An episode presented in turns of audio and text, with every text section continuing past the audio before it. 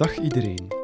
Welkom bij deze podcast van EOS Wetenschap, waarin we op zoek gaan naar een antwoord op de vraag: Kunnen robots het werk van verplegers, dokters en therapeuten verlichten? Of een stap verder, zullen ze hen op termijn vervangen? Ik vraag het aan robotici Bram van der Borgt van de VUB en Tony Belpame van de Universiteit Gent. Dag Bram. Hallo, dag Kim. Dag Tony. Goedemorgen Kim. Bram, ik begin bij u. In deze coronatijden is er heel veel eenzaamheid, zeker in woonzorgcentra. Kunnen zorgrobots helpen om die vereenzaming aan te pakken? Ik denk het wel. Ik denk dat we gezien hebben dat technologie nu super belangrijk is. We zijn gaan werken, lesgeven op enkele dagen volledig digitaal. We zijn zelfs aperitiefs en diners via de digitale snelweg eh, gaan doen. En ja, de economist titelde al, de big tech gaat hier eigenlijk de grote winnaar worden. En ik denk, ja, die robots zijn in volle ontwikkeling. Uh, en waar ook die, die sociale robots een deel van zijn. Maar ik denk dat het nog altijd te belangrijk is dat die uh, een hulpmiddel gaat zijn. En dat eigenlijk niet het menselijk contact volledig gaat vervangen zijn. Maar zeker in coronatijden is dat wel een veilige manier van communicatie momenteel. Heeft u voorbeelden van hoe en waar we zorgrobots kunnen inzetten? Ja, we hebben een heel concreet uh, voorbeeld. We hebben in ons labo, dat ook natuurlijk gesloten is, hadden we een werkloze pepperrobot staan. Dat is zo'n, niet zo'n grote humanoïde robot met een scherm op zijn borst. En die stond daar niks te doen, want we gebruikten die voor ons onderzoek in social robot interactie. Onder andere in shops en, uh, diabetes enzovoort. En naar een idee van Zora Robotics, die er al meer dan 70 in rusthuizen hadden geplaatst, hebben we ook onze robot ontdaan van alle programma's, hebben we daar een Facebook-app op gezet en ben ik die op uh, een dag gaan afzetten in het rusthuis. Gewoon gezegd van, kijk, hier zit hem aan. Dan druk je op deze twee knoppen en dan opent je Facebook Messenger. En dat iedereen kent. En ik dacht van, oei oei, ik hoop dat ik niet te vaak ga moeten terugkeren om daar te gaan debuggen. Maar die werkt daar eigenlijk supergoed. En naar de Facebook-posts die daarover gepost worden, zijn die mensen daar super gelukkig mee, want die kunnen eindelijk terug hun kleinkinderen zien. Om een idee te geven, in dat rusthuis was zelfs geen wifi aanwezig. Dus die zorgrobots, of in dit geval gezelschapsrobots, worden echt wel aanvaard door die oudere mensen. Ja, ze vonden dat misschien een beetje raar, maar ja, voor hun was dat inderdaad wel een wereld die openging. En uiteindelijk is die uh, Pepper-robot in dit geval, hè, hij reageert niet op spraak, want hij heeft afgezet. Hij kan uh, navigeren in de omgeving zonder ergens tegen te botsen. Hebben we ook niet af aangezet. Dus we hebben dat programma super eenvoudig gemaakt, want we wouden natuurlijk niet dat dat programma die verzorgers meer last bezorgde dan, dan voordelen. maar ondanks dat het eigenlijk een aangeklede tablet is, reageren de ouderen daar toch helemaal anders op. En heel positief, en ik lees heel veel positieve berichten, ja, dat ze dat eigenlijk wel als een nieuw vriendje in het uh, uh, zorgcentrum uh, aanvaarden. Ja, maar via de robot communiceren de oudere mensen met hun familie, als ik het goed begrijp. Ja, dus uh, ze kunnen nu gewoon via de Facebook-app uh, Messenger uh, opbellen. En dat is het voordeel dat iedereen daar goed is ingeburgerd. En zo kunnen ze via video, want ze zien op de tablet, op de borst van de robot, zien ze hè, hun kind of hun kleinkind of familieleden. En ze kunnen die ook beluisteren en ondertussen kijkt de robot rond en, en, en maakt aandacht met de, met de bewoner. Want natuurlijk, in de in de camerabeelden worden geanalyseerd en de robot gaat eigenlijk reageren op waar komt het geluid en waar zijn de gezichten en gaat dan eigenlijk zijn focus wat houden op die persoon. Hij gaat ook eigenlijk nooit echt stilstaan, zoals een standbeeld, maar altijd van die kleine bewegingen maken, ook wat blinken met de leds in zijn ogen, zodanig dat die robot wel levendig lijkt. En hoe zit het voor mensen die geen familie meer hebben of moeilijker communiceren? Is zo'n robot ook zinvol voor hen? Er bestaan verschillende uh, dergelijke gezelschapsrobots. Dat is nu een soort humanoïde uh, robot. Er bestaan ook soorten dieren of knuffelrobots die lijken op dieren. Een heel bekend voorbeeld daarvan is bijvoorbeeld Paro. Dat is een zeehondrobot die echt als knuffelrobot, want Pepper, ja, dat is eigenlijk harde plastic. Ik denk niet dat die zo geknuffeld gaat worden. Maar Paro is echt een knuffelrobot, die heeft een, een vacht uh, enzovoort. En daar gaan eigenlijk mensen opstrelen en zo kalmeren. En die wordt al jaren ook ingeburgerd uh, in dergelijke verzorgingscentra. En in sommige gevallen is zelfs al lang de uh, langstlevende bewoner van zo'n uh, verzorgingstehuis. Nu heeft u het vooral over woonzorgcentra en oudere mensen. Kunnen zorgrobots ook dienen voor andere doelgroepen? Ja, ik denk dat zorgrobots, dat je dat heel breed kan zien, zowel fysiek. Uh, en je ziet daar meer en meer voorbeelden van verschijnen op het internet. En er veel wat ziek, verschillende ziekenhuizen hebben bijvoorbeeld robots die medicijnen rondbrengen. Ik ken een collega uit uh, uh, meer chirurgische robot, die zat op uh, congres en die moest in verplichte quarantaine blijven. En daar bracht een robot het eten dagelijks rond. En die zat dus alleen in zijn kamertje. In China zijn er ook bijvoorbeeld drones die temperatuur meten. Ook in Brussel werd bijvoorbeeld via drones mensen opgeroepen om afstand te houden. Uh, de smoothie-robot is in een Antwerp ziekenhuis geïnstalleerd om dagelijks dosis vitamintjes te doen. Je hebt, dus je hebt daar allemaal type robots die daar allemaal nuttige taken, denk ik, kunnen uh, verrichten. En anderzijds heb je ook bijvoorbeeld de, natuurlijk de sociale robots, ofwel een combinatie van de twee, want dat zien we ook meer en meer. Dat zowel het fysieke als het sociale gecombineerd worden, om eigenlijk te helpen in die uh, corona-aanpak. Natuurlijk, in tegenstelling tot computers, tot tablets, tot smartphones, tot het internet, dat alomtegenwoordig is. Iedereen heeft wel meerdere van die devices thuis en degenen die dat niet hebben, hè, uh, dat zien we vaak, die beginnen gigantische problemen uh, te hebben. Daarmee ook die acties om laptops ter beschikking te stellen van die uh, kinderen, denk ik dat heel belangrijk is.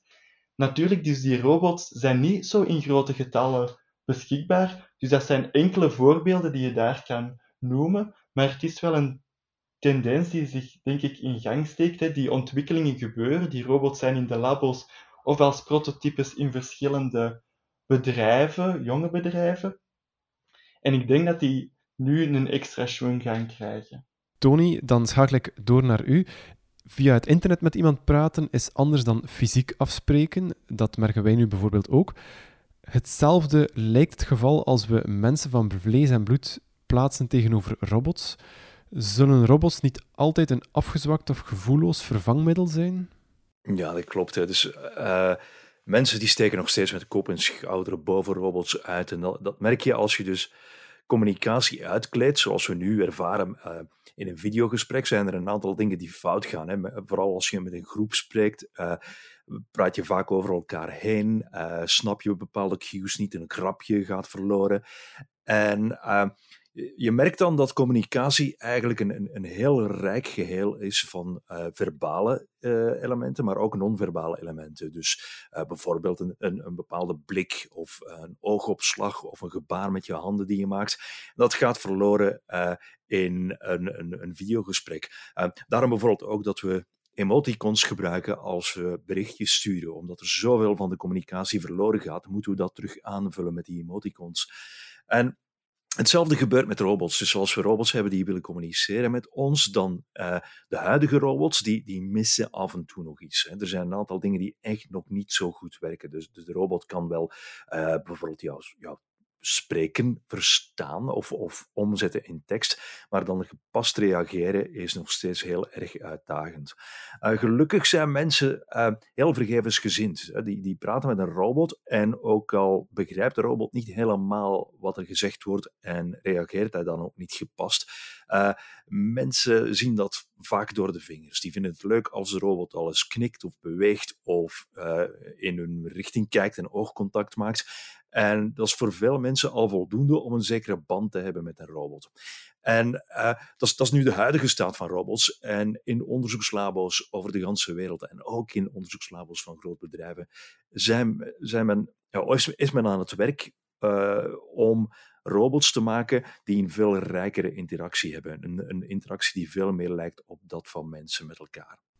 Mensen herkennen emoties. We zien bijvoorbeeld wanneer iemand verdrietig is. In welke mate kunnen robots lichaamstaal interpreteren? En misschien een stap verder, kunnen we robots empathie aanleren? Ehm, een robot kan tot zekere hoogte emoties herkennen. Ja, we kunnen echt kijken naar iemands gezicht met uh, een computeralgoritme, kijken of jij blij bent of verdrietig of verbaasd.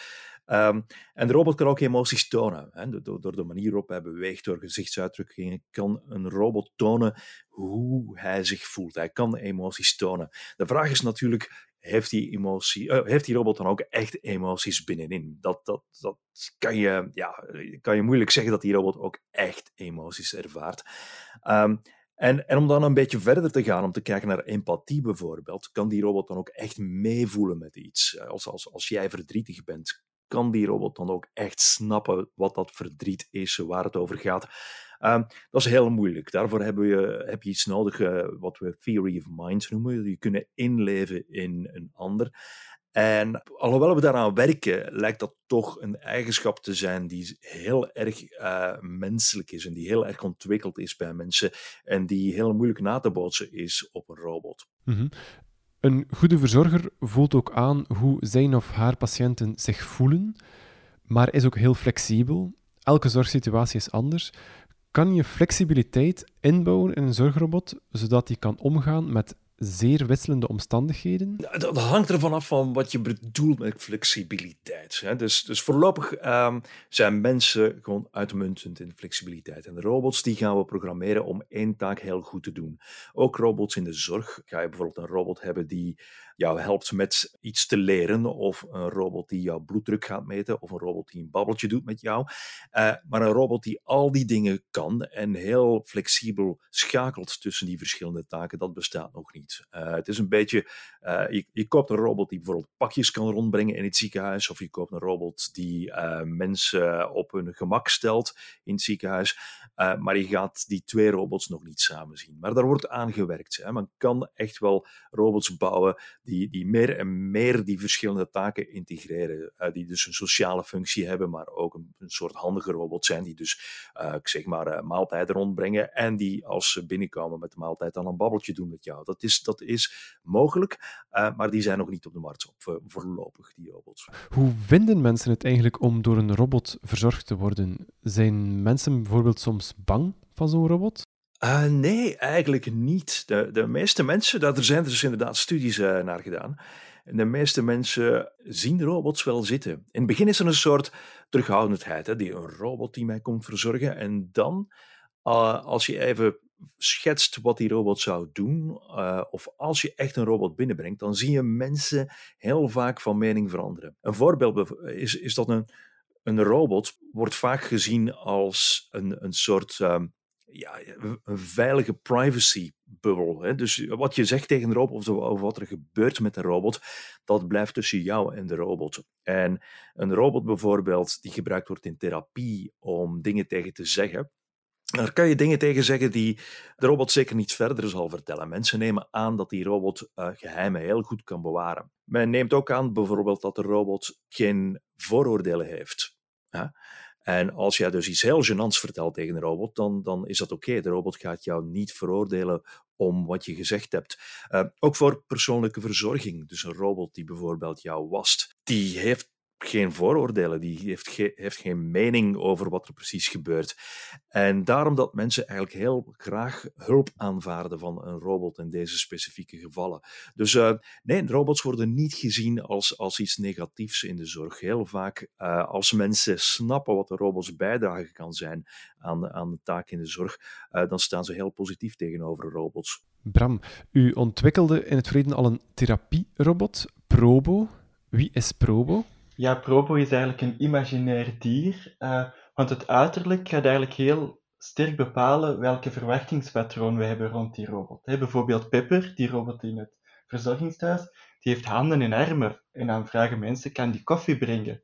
Uh, nee, dat, is niet echt mogelijk. Dus maar omdat die handen en armen heeft, verwachten mensen dat. En bijvoorbeeld die Paro-robot, bijvoorbeeld, die zeehond, eerst waren er honden en katten, maar ja, mensen konden niet echt die, uh, dat verwachtingspatroon inlossen van ja, een echte kat of een echte hond, terwijl een zeehond, ja, iedereen weet wel ongeveer hoe dat, dat eruit ziet en die paar lijkt echt op een zeehond, maar hoe dat die reageert, ja, daar kunnen de onderzoekers dan zelf voor bepalen hoe dat die moet interageren voor die bepaalde therapieën. En daarom hebben we ook Probo een imaginair uiterlijk gegeven, want het anderste uiterste is eigenlijk de mens volledig gaan kopiëren. En bijvoorbeeld profielen zoals Isugoro doen dat, maar die belanden al heel snel in de griezelvallei of de uncanny vallei. Dus daar wouden wij uitblijven. En daarmee hebben we die robot een imaginair uiterlijk gegeven, met een kenmerk, kenmerk zijn die slurf, vandaar de proboscidea, dat zijn de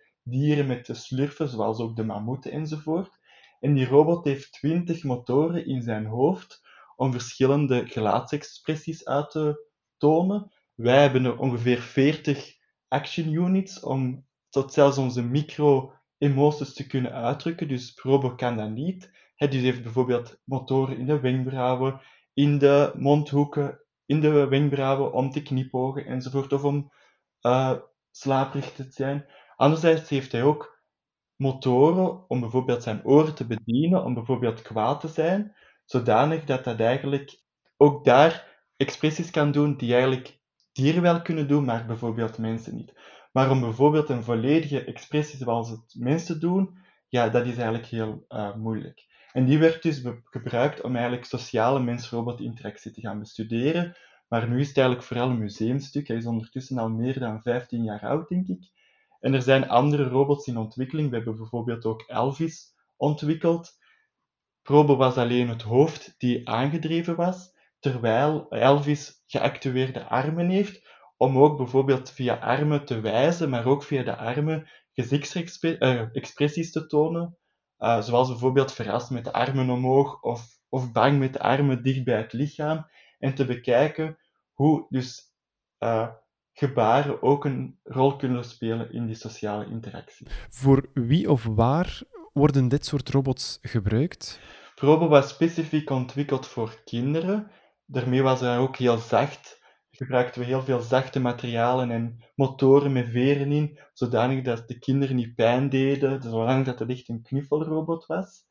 En daarom hebben die ook verder ontwikkeld voor uh, gebruik met kinderen met autisme. Nu, het probleem was ook, we hadden maar één prototype van die robot. Daarmee hebben we meer gegaan naar het gebruik van bijvoorbeeld Nao, dat is de kleine broer van de Pepper-robot. Uh, en bijvoorbeeld waren we samen met Tony in een project rond autisme uh, bijvoorbeeld, zodanig verschillende ingenieurs programma's konden maken die samenvoegen. En bijvoorbeeld in Roemenië gebruikten de psychologen dan in de therapie met kinderen met autisme. En het voordeel was, die robot is breed beschikbaar, of meer beschikbaar dan Probo, zodanig dat softwarepakketten konden uitgewisseld worden en meer experimenten gedaan konden worden. Zorgrobots kunnen dus heel wat emoties uiten, maar hoe herkennen ze emoties bij de persoon die tegenover hen zit? Robo was natuurlijk al wat oudere technologie, dus hij had bijvoorbeeld een camera in zijn gezicht, zodanig dat hij kon detecteren waar is een persoon en waar is het geluid, zodanig dat hij het hoofd naartoe kon draaien.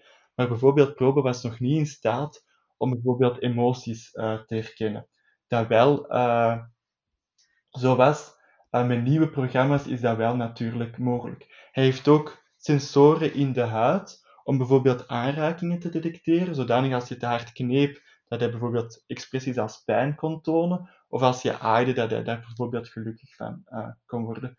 Dus niet alleen via audio en video, maar ook fysieke aanrakingen kunnen dus ook leiden tot ja, het herkennen van emoties en dat de robot daar reageert, daarop reageert. Maar het is natuurlijk heel duidelijk dat die robot zelf geen emoties voelt natuurlijk.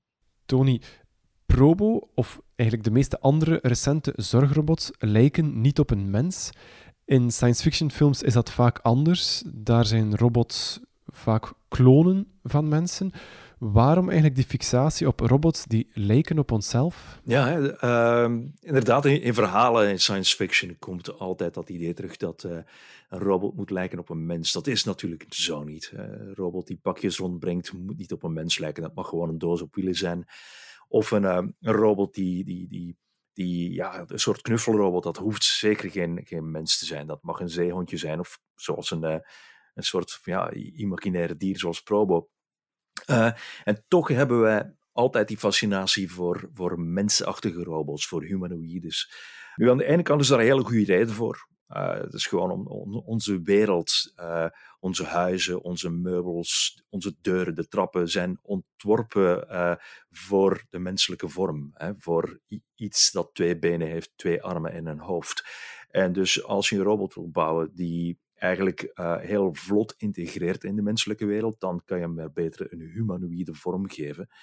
Aan de andere kant is, is er ook die fascinatie voor een mens, uh, een artificiële mens. En dat hebben we al duizenden jaren. Als je kijkt naar de Griekse mythologie, er is het verhaal van uh, Pygmalion, die, een beeldhouwer die, die een, een vrouw in, in ivoor maakt en, en die dan tot leven gewekt wordt dichterbij, ik weet niet, verhalen zoals Frankenstein. Uh, als, als je elke science fiction film, elk verhaal heeft wel een humanoïde robot. En uh, ik denk wat, dat, dat, ons ook, dat dat iets heel interessants zegt over hoe wij staan tegenover robots. Wij voelen ons gewoon meer aangetrokken tot artificiële dingen als ze menselijk zijn, als ze menselijke eigenschappen hebben. En van, vandaar dat het ook wel nuttig is uh, om humanoïde robots te bouwen. Niet enkel omdat ze hè, zo mooi integreren in de menselijke wereld, maar ook omdat wij zo sterk reageren op die humanoïde vorm. En als je dan kijkt naar, naar uh, hoeft niet per se, een robot te zijn met twee armen en twee benen of zo, maar heel vaak gaan wij dingen steken in de robot die ons helpt om uh, makkelijker een relatie op te bouwen met die robot. Bijvoorbeeld ogen, uh, een hoofd of twee armpjes of zo. Ook al zijn die armen misschien niet nuttig. Hè? Die hoeven niet eens iets te doen, maar heel vaak hangen die gewoon aan die robot. En dat geeft ons het idee dat, ja, dat die robot iets menselijker is, waardoor we iets makkelijker een band vormen met die robot. Ja. Nu heb je het vooral over het uiterlijk. Geldt dat ook voor de persoonlijkheid van een robot? Willen we liefst een robot met typisch menselijke karaktertrekjes bijvoorbeeld? Daar, ben ik niet helemaal zeker. Er zijn ook juist. Hè? Dus het klopt dat we in de robot heel vaak dingen inbouwen die, die, die menselijk lijken. Uh, maar tegelijkertijd, als je, als je kijkt naar dieren, dan hebben wij ook hele sterke banden met uh, bepaalde dieren. Denk maar aan de hond, hè, het favoriete huisdier. Uh, en een hond heeft. Ja, er zijn een aantal dingen aan een hond die heel bijzonder zijn. Dus de, aan de ene kant is hij heel erg knuffelbaar. Uh, heel erg trouw. Het, bouwt echt een band op. De hond heeft een soort geheugen voor wat er gebeurd is, herkent ons, reageert heel sterk op ons. Maar aan de andere kant is de hond ook behoeftig, bijvoorbeeld. Hè. Die, we moeten echt met die hond gaan wandelen. We moeten die hond eten geven of uh, het gaat fout. En uh, als je dan kijkt naar de co-evolutie tussen hondenrassen en, en mensen, dan merk je dat er een aantal eigenschappen zijn in honden die, die, die heel uniek zijn en heel menselijk zijn. Zoals bijvoorbeeld uh, zielig kijken. Ja, een wolf kan niet zielig kijken, maar een, uh, een hond kan dat wel. En die heeft uh, speciale spieren rond de oogleden verder ontwikkeld, of sterker ontwikkeld, om zielig te kijken. En dat kunnen we dus, dus aan de ene kant hoef je niet alles menselijk te maken. Aan de andere kant is het heel belangrijk dat we af en toe sleuteleigenschappen pakken en, en die heel erg versterken in de robot. Uh, ogen zijn bijvoorbeeld heel belangrijk in robots. Als we ogen geven aan, aan een robot, dan, dan, dan hebben we direct een soort gevoel dat, dat de robot uh, bewust is van ons, kijkt naar ons en ons, ons ziet en ons snapt wat we, doen, uh, snapt wat we doen. Beweging is ook een hele sterke uh, cue voor robots. Als je een robot hebt die, die beweegt uh, als je binnenkomt en bijvoorbeeld zich richt naar jou, dan gaan wij ook heel sterk het gevoel krijgen dat die robot uh, opnieuw een band heeft met ons en snapt wat er precies gebeurt. Dus een, ja, er zijn een aantal dingen die we moeten hercreëren, een aantal dingen die uniek menselijk zijn ook, die, die we moeten hercreëren op robots. maar we ho hoeven niet per se een, een mens volledig na te bouwen om een band te hebben met een robot die menselijke trekjes inbouwen in een robot. Ik vermoed dat dat niet vanzelfsprekend is om te doen. Klopt dat? Uh, sommige dingen zijn ontzettend uh, makkelijk te doen. Echt, echt zo gewoon trucken die we kunnen gebruiken om een robot te maken die uh, heel sociaal lijkt. die oogjes, een hoofdje geven, een mondje geven. Eh, kleine sensoren erop zetten die merken dat een mens in de buurt is. Een robot laten reageren op de nabijheid van een mens door bijvoorbeeld uh, naar jou te kijken en oogcontact te maken. Of als je heel snel dichterbij komt, de robot zich laten terugtrekken uh, uit schrik. Dat zijn eigenlijk hele eenvoudige stukjes hardware en software die we nodig hebben. En toch creëert het meteen het gevoel dat de robot leeft. Nu we het hebben over robots met een echte persoonlijkheid, kunnen we volgens u ooit vrienden worden met een robot? Of er zelfs verliefd op worden? Ik denk dat dat heel realistisch is. Ehm, terwijl niet lang iedereen kan zeggen dat ze al verliefd geworden zijn op een robot, ehm, ben ik bijna zeker dat iedereen kan zeggen dat ze toch gehecht geworden zijn aan een stukje technologie. Het mag een, uh, je eerste auto zijn, of een telefoon, of een laptop die je niet graag wegdoet. Uh, er zijn, iedereen heeft wel iets waar ze denken van daar, daar heb ik een band mee. Verliefdheid kan je het misschien niet noemen, maar je hebt een band opgebouwd met iets. En ik denk, mocht die technologie dus meer interactief zijn en, en uh, ja, een aantal eigenschappen hebben die, die bijvoorbeeld ook huisdieren hebben, dat we heel snel verliefd worden daarop. Hè. Mensen zijn ook vaak verliefd op, op, op een huisdier. Hè. Die hebben echt een, een soort band. Hè. Het huisdier wordt gemist als, uh, als het even afwezig is. En, en er is dan altijd een heel blij weerzien als, uh, als elkaar terug ontmoeten. Dat, dat kan ook gebouwd worden uh, in een robot. We kunnen dat artificieel nabootsen. Dus ik denk wel dat we uh, bepaalde vormen van verliefdheid kunnen creëren tussen mens en robot. Moeten onze honden en katten zich nu zorgen maken dat ze binnenkort vervangen worden door een robot? dat, is al het geval eigenlijk. Uh, niet hier, maar bijvoorbeeld in Japan, waar mensen heel klein wonen en waar een, eh, een hond hebben uh, echt gewoon praktisch heel moeilijk is. Hè. Dus, dus, je woont op een klein flatje in, in, in een grote stad. Een hond houden is onmogelijk. en mensen kopen dan een robothondje. En dat robothondje vervult de, dezelfde rol eigenlijk als een huisdier. Dus ja, dat, dat, dat zit eraan te komen. Bram, veel mensen vrezen ook dat robots onze jobs zullen afnemen. Eerst en vooral in de industrie, maar op termijn misschien ook in de zorg. Is die vrees terecht? Ik denk dat door de veranderende demografie dat daar geen vrees hoeft voor te zijn. We verouderen, we hebben nood aan zorg en we zien daar toch grote personeelstekorten.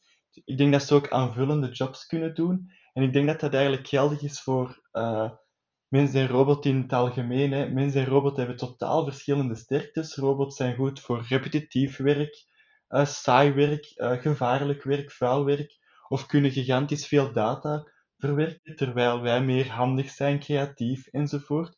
En we zien het nu. Plots moeten we allemaal mondmaskers gaan maken. Terwijl, ja, waar zijn die robots om die mondmaskers te maken? Kunnen de robots die de auto's in elkaar zetten dan ineens die, die mondmaskers in elkaar gaan naaien? dus die robots hebben totaal niet die flexibiliteit die mensen uh, wel gaan, die mensen wel hebben. En daarmee focust ons onderzoek vooral toe eigenlijk hoe kunnen we de sterktes van mens en robot toen gaan laten samenwerken in de gezondheid, maar ook bijvoorbeeld in de maakindustrie, waar dat we die aspecten van die sociale robots ook daarin overzetten. Want om goed te kunnen samenwerken is ook een goede uh, communicatie nodig. Hè. Tony verwees naar het brengen van ogen naar een robot. Wel, we trachten dat ook te doen in, in robots in de industrie, hè, zodanig dat arbeiders begrijpen aan waar is de attentie van de robot, ah, kan ik daar werken, zodanig dat er ook verbale, maar vooral niet-verbale communicatie tussen de robot en de mens uh, kan zijn. Nu, in die coronacrisis denk ik wel dat we naar een nieuw normaal gaan gaan. En we missen eigenlijk in heel veel sectoren nu net de robots om die crisis aan te pakken. Enerzijds om bijvoorbeeld moeten heel wat sectoren gaan stilleggen omdat mensen risico vormen. Dus ja, kunnen we daar niet robots gaan inzetten? Of in andere sectoren die heel belangrijk zijn, zoals de voedselvoorziening, de gezondheidszorg enzovoort, daar hebben we onvoldoende robots om eigenlijk mensen te kunnen gaan vervangen, om eigenlijk die mensen niet die risicovolle jobs te laten uitvoeren. Maar dan is natuurlijk de vraag, ja, waar kunnen we die robots dan niet gewoon gaan verder zetten in de toekomst en blijven die mensen te gaan vervangen? Dus ik denk wel dat we naar een maatschappij gaan evalueren waar dat er net meer uh, mensen misschien nu vervangen gaan worden door robots. Uh, ook heel de privacy-aspecten, het monitoren van mensen. Dus alle aspecten rond de ethische aspecten van robots uh, ja, gaan verder onder druk staan, ook privacy enzovoort, waar we toch verder over moeten nadenken, denk ik. Ik denk mooi, mooi is om te zien hoe uh, bepaalde robots die eigenlijk al bestaan, maar waar we nog niet uh, een gebruik voor gevonden hadden. Of, of alleszins, de mensen zagen niet dat die robot nuttig kon zijn. En één mooi voorbeeld is de, de, de telepresence uh, robots. Hè? De robots die gewoon een, een, een scherm ronddragen. En waar jij kan, kan skypen, echt een Skype op wielen. en die, die robots bestaan al een goede 15 jaar. Maar die verkochten voor geen meter. Echt, de meeste bedrijven die die robots bouwden, die zijn over kop gegaan. Uh, en nu merk je dat er, dat er meer dan ooit nood is aan dat soort robots. Ehm, verzorgingstehuizen bijvoorbeeld, die, die, die, die, die hebben nu een personeelslid die de hele tijd rondloopt met een, laptop of een tablet. Dus de Skype-verpleegster. Ehm, dat had een robot moeten zijn natuurlijk. En die, die robots bestaan. Maar ja, iedereen heeft die te laten gekocht. Dus ik denk dat er echt meteen na de crisis gaat iedereen zo'n robot bestellen. Heeft u nog voorbeelden van hoe robots het werk in de zorg kunnen verlichten? Ik denk heel veel services die er nodig zijn. Het rondbrengen van eten, medicijnen, ook in verzorgingstehuizen, van die, van die jobs die eigenlijk wel door robots gemaakt gedaan kunnen worden, zodanig dat het zorgpersoneel dan hopelijk meer tijd heeft voor echte interactie met de, mensen, als ik dat vroeger zag met mijn oma in een verzorgingstehuis, ja, daar kwamen ze thee te brengen en boef, en dan naar de volgende en boef. Dan denk ik, ja, waarom kan een robot dat niet zijn? Zeker nu, in tijden waar dat er toch risico is voor uh, besmetting, zodanig dat de belangrijke taken, zoals een babbeltje slagen, dat die door mensen gedaan kunnen worden. Ik dacht dat in Duitse rusthuizen er ongeveer nog 52 minuten uh, per bewoner uh, voorzien was voor, voor menselijke zorg dan denk ik, ja, maakt dat het menselijke contact en die, die jobs, die mechanische jobs, laat dat door robots uitgevoerd worden. Tony, terwijl we dit opnemen, bereiden de scholen zich voor op een heropening. Zouden robots in dit soort situaties van nut kunnen zijn? Ik denk aan co-teaching, waarbij een leerkracht wordt eh, bijgestaan door een robot. Of thuisonderwijs zelfs, waarbij de leerlingen thuis les krijgen van hun eigen robot. Kan dat? Daar hebben eens een, eh, een, onderzoeksproject over gedaan. Eigenlijk. Kunnen robots gebruikt worden in het onderwijs? Uh, het idee was een beetje dat uh, we weten dat mensen heel sterk reageren op robots. Hè. Dus die, die fysieke aanwezigheid, de sociale aanwezigheid van robots, uh, doet ons ergens beter opletten en, en meer reageren op, op die interactie. En um, voor een tijdje, we hebben, al lang software die interactief kan lesgeven. Dat, dat, dat is gewoon uh, de laptop of een tablet waarop je oefeningen krijgt en die zijn dan gepersonaliseerd. Ehm, en de resultaten zijn daar oké van. Maar we weten dat een robot eigenlijk betere, betere resultaten krijgt. Als een robot die zelf de lesjes aanbiedt, dan weten we gewoon dat kinderen langer de lesjes volhouden en meer leren, meer onthouden ook op, op de lange termijn. En dat hebben we al een paar keer toegepast om uh, wiskunde te, te, leren aan kinderen, ook om uh, een tweede taal aan te leren. Uh, en het blijkt inderdaad dus dat robots daar wel een rol te spelen hebben. Ehm, als je denkt over, over onderwijs, ons onderwijs is, is zo opgezet dat we dus één leerkracht voor de klas hebben, die geeft les aan wat 20, 25, 30 kinderen. En die moet noodgedwongen lesgeven aan het gemiddelde van die kinderen. Er is heel weinig tijd voor persoonlijke aandacht. Uh, en die robot kan dat nu net wel bieden. Hè. Je kan dus een één op één interactie hebben met de robot en die kan dan persoonlijke oefeningen geven uh, aan jou, net op jouw niveau, jou een beetje uitdagen, uh, een beetje support geven waar je het precies nodig hebt. Ehm, iets waar de leerkracht de dag van, dag van, vandaag geen tijd meer voor heeft. Dus ja, een, een, een, robot kan daar ingezet worden. Die zijn nog niet beschikbaar. Je kan nog die robots niet kopen. Dus echt onderzoek op dit ogenblik. Maar het, to het, toont wel heel mooi uh, wat een robot zou kunnen aanbieden in het onderwijs.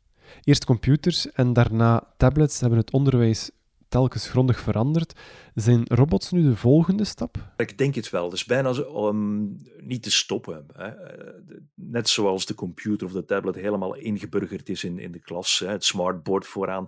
Dus die IT-infrastructuur uh, is er. En die, die robots komen eraan. die worden steeds goedkoper. Uh, het zou kunnen dat, dat we eerst robots gaan zien thuis.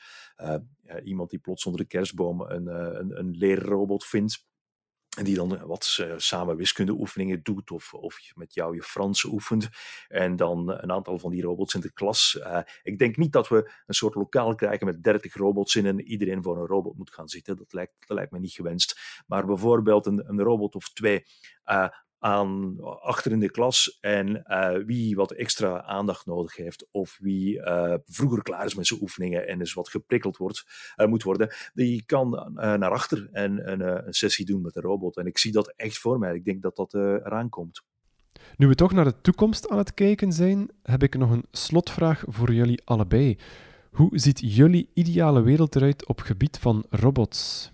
Die van u bijvoorbeeld, Bram? Ik denk dat we met een aantal maatschappelijke uitdagingen zitten. De nood aan uh, hoe de verouderende bevolking aan te pakken, de noodzaak voor gezonder en beter uh, werk enzovoort. En ik denk nu ook een nieuwe uitdaging. Hè. Hoe gaan we dergelijke pandemieën in de toekomst aangaan? En ik denk dat robots een deel van de antwoord kunnen zijn, hè. niet volledig. Maar ik denk dat het ook heel belangrijk is dat we daar het totaalplaatje bekijken, want er gaat ook de sociale, de economische, de financiële sector gigantische impact hebben. En hoe gaan we gans de maatschappij daarmee meekrijgen? Want we zien nu ook dat mensen die geen computer, geen laptop, geen internet thuis hebben, ja, dat die nu wel in problemen uh, komen. En ook hoe gaat heel de economie, alle bedrijven ermee uh, meegaan? Want ook daar, de grote winnaar was al de big tech. Maar wat met de KMO's, de kleine bedrijven, waar dat eigenlijk Europa heel rijk aan is. Dus hoe krijgen we heel de economie en de maatschappij mee in die technologische revolutie, waar dan nog altijd de robots ondergeschikt is aan de mens en waar dat wij eigenlijk als maatschappij de vruchten van plukken. En Tony, wat is uw toekomstbeeld op gebied van robots? Dat is heel moeilijk, hè? Uh, in de kristallenbol kijken. Uh, ik, ik, denk dat er heel veel zal veranderen rond uh, dingen die we, die we niet eens zien. Dus bijvoorbeeld in warenhuizen, fabrieken, daar, daar, gaat nog, staat nog heel veel te gebeuren. Uh, het feit dat we massaal online gaan shoppen zijn. En uh, nu zijn dat nog steeds mensen die heen en weer lopen in die warenhuizen en, en doosjes vullen. Uh, dat gaat veranderen. Ja, dat, dat, worden volledig geautomatiseerde warenhuizen waar amper nog handenarbeid aan te pas komt.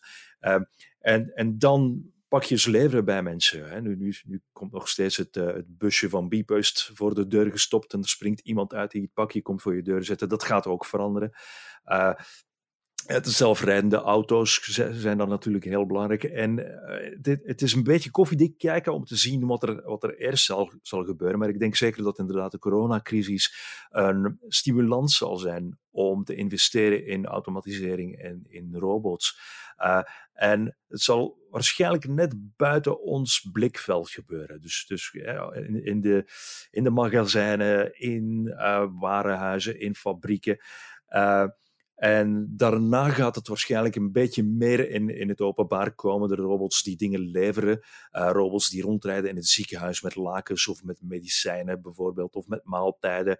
Uh, hotellen, in een hotel bijvoorbeeld, in plaats van uh, de, robot die jou uh, fles champagne brengt. sorry, in plaats van een mens die jou een fles champagne brengt, dan zal dat een robot zijn. Dus ik denk wel dat, dat, dat er een aantal uh, grote veranderingen heel binnenkort zullen te zien zijn. Uh, maar het is een beetje afwachten. Klinkt zeer spannend. Er is uh, veel om naar uit te kijken dus. Ik wil jullie heel hard bedanken voor deze interessante antwoorden. Bedankt. Graag gedaan. Graag gedaan.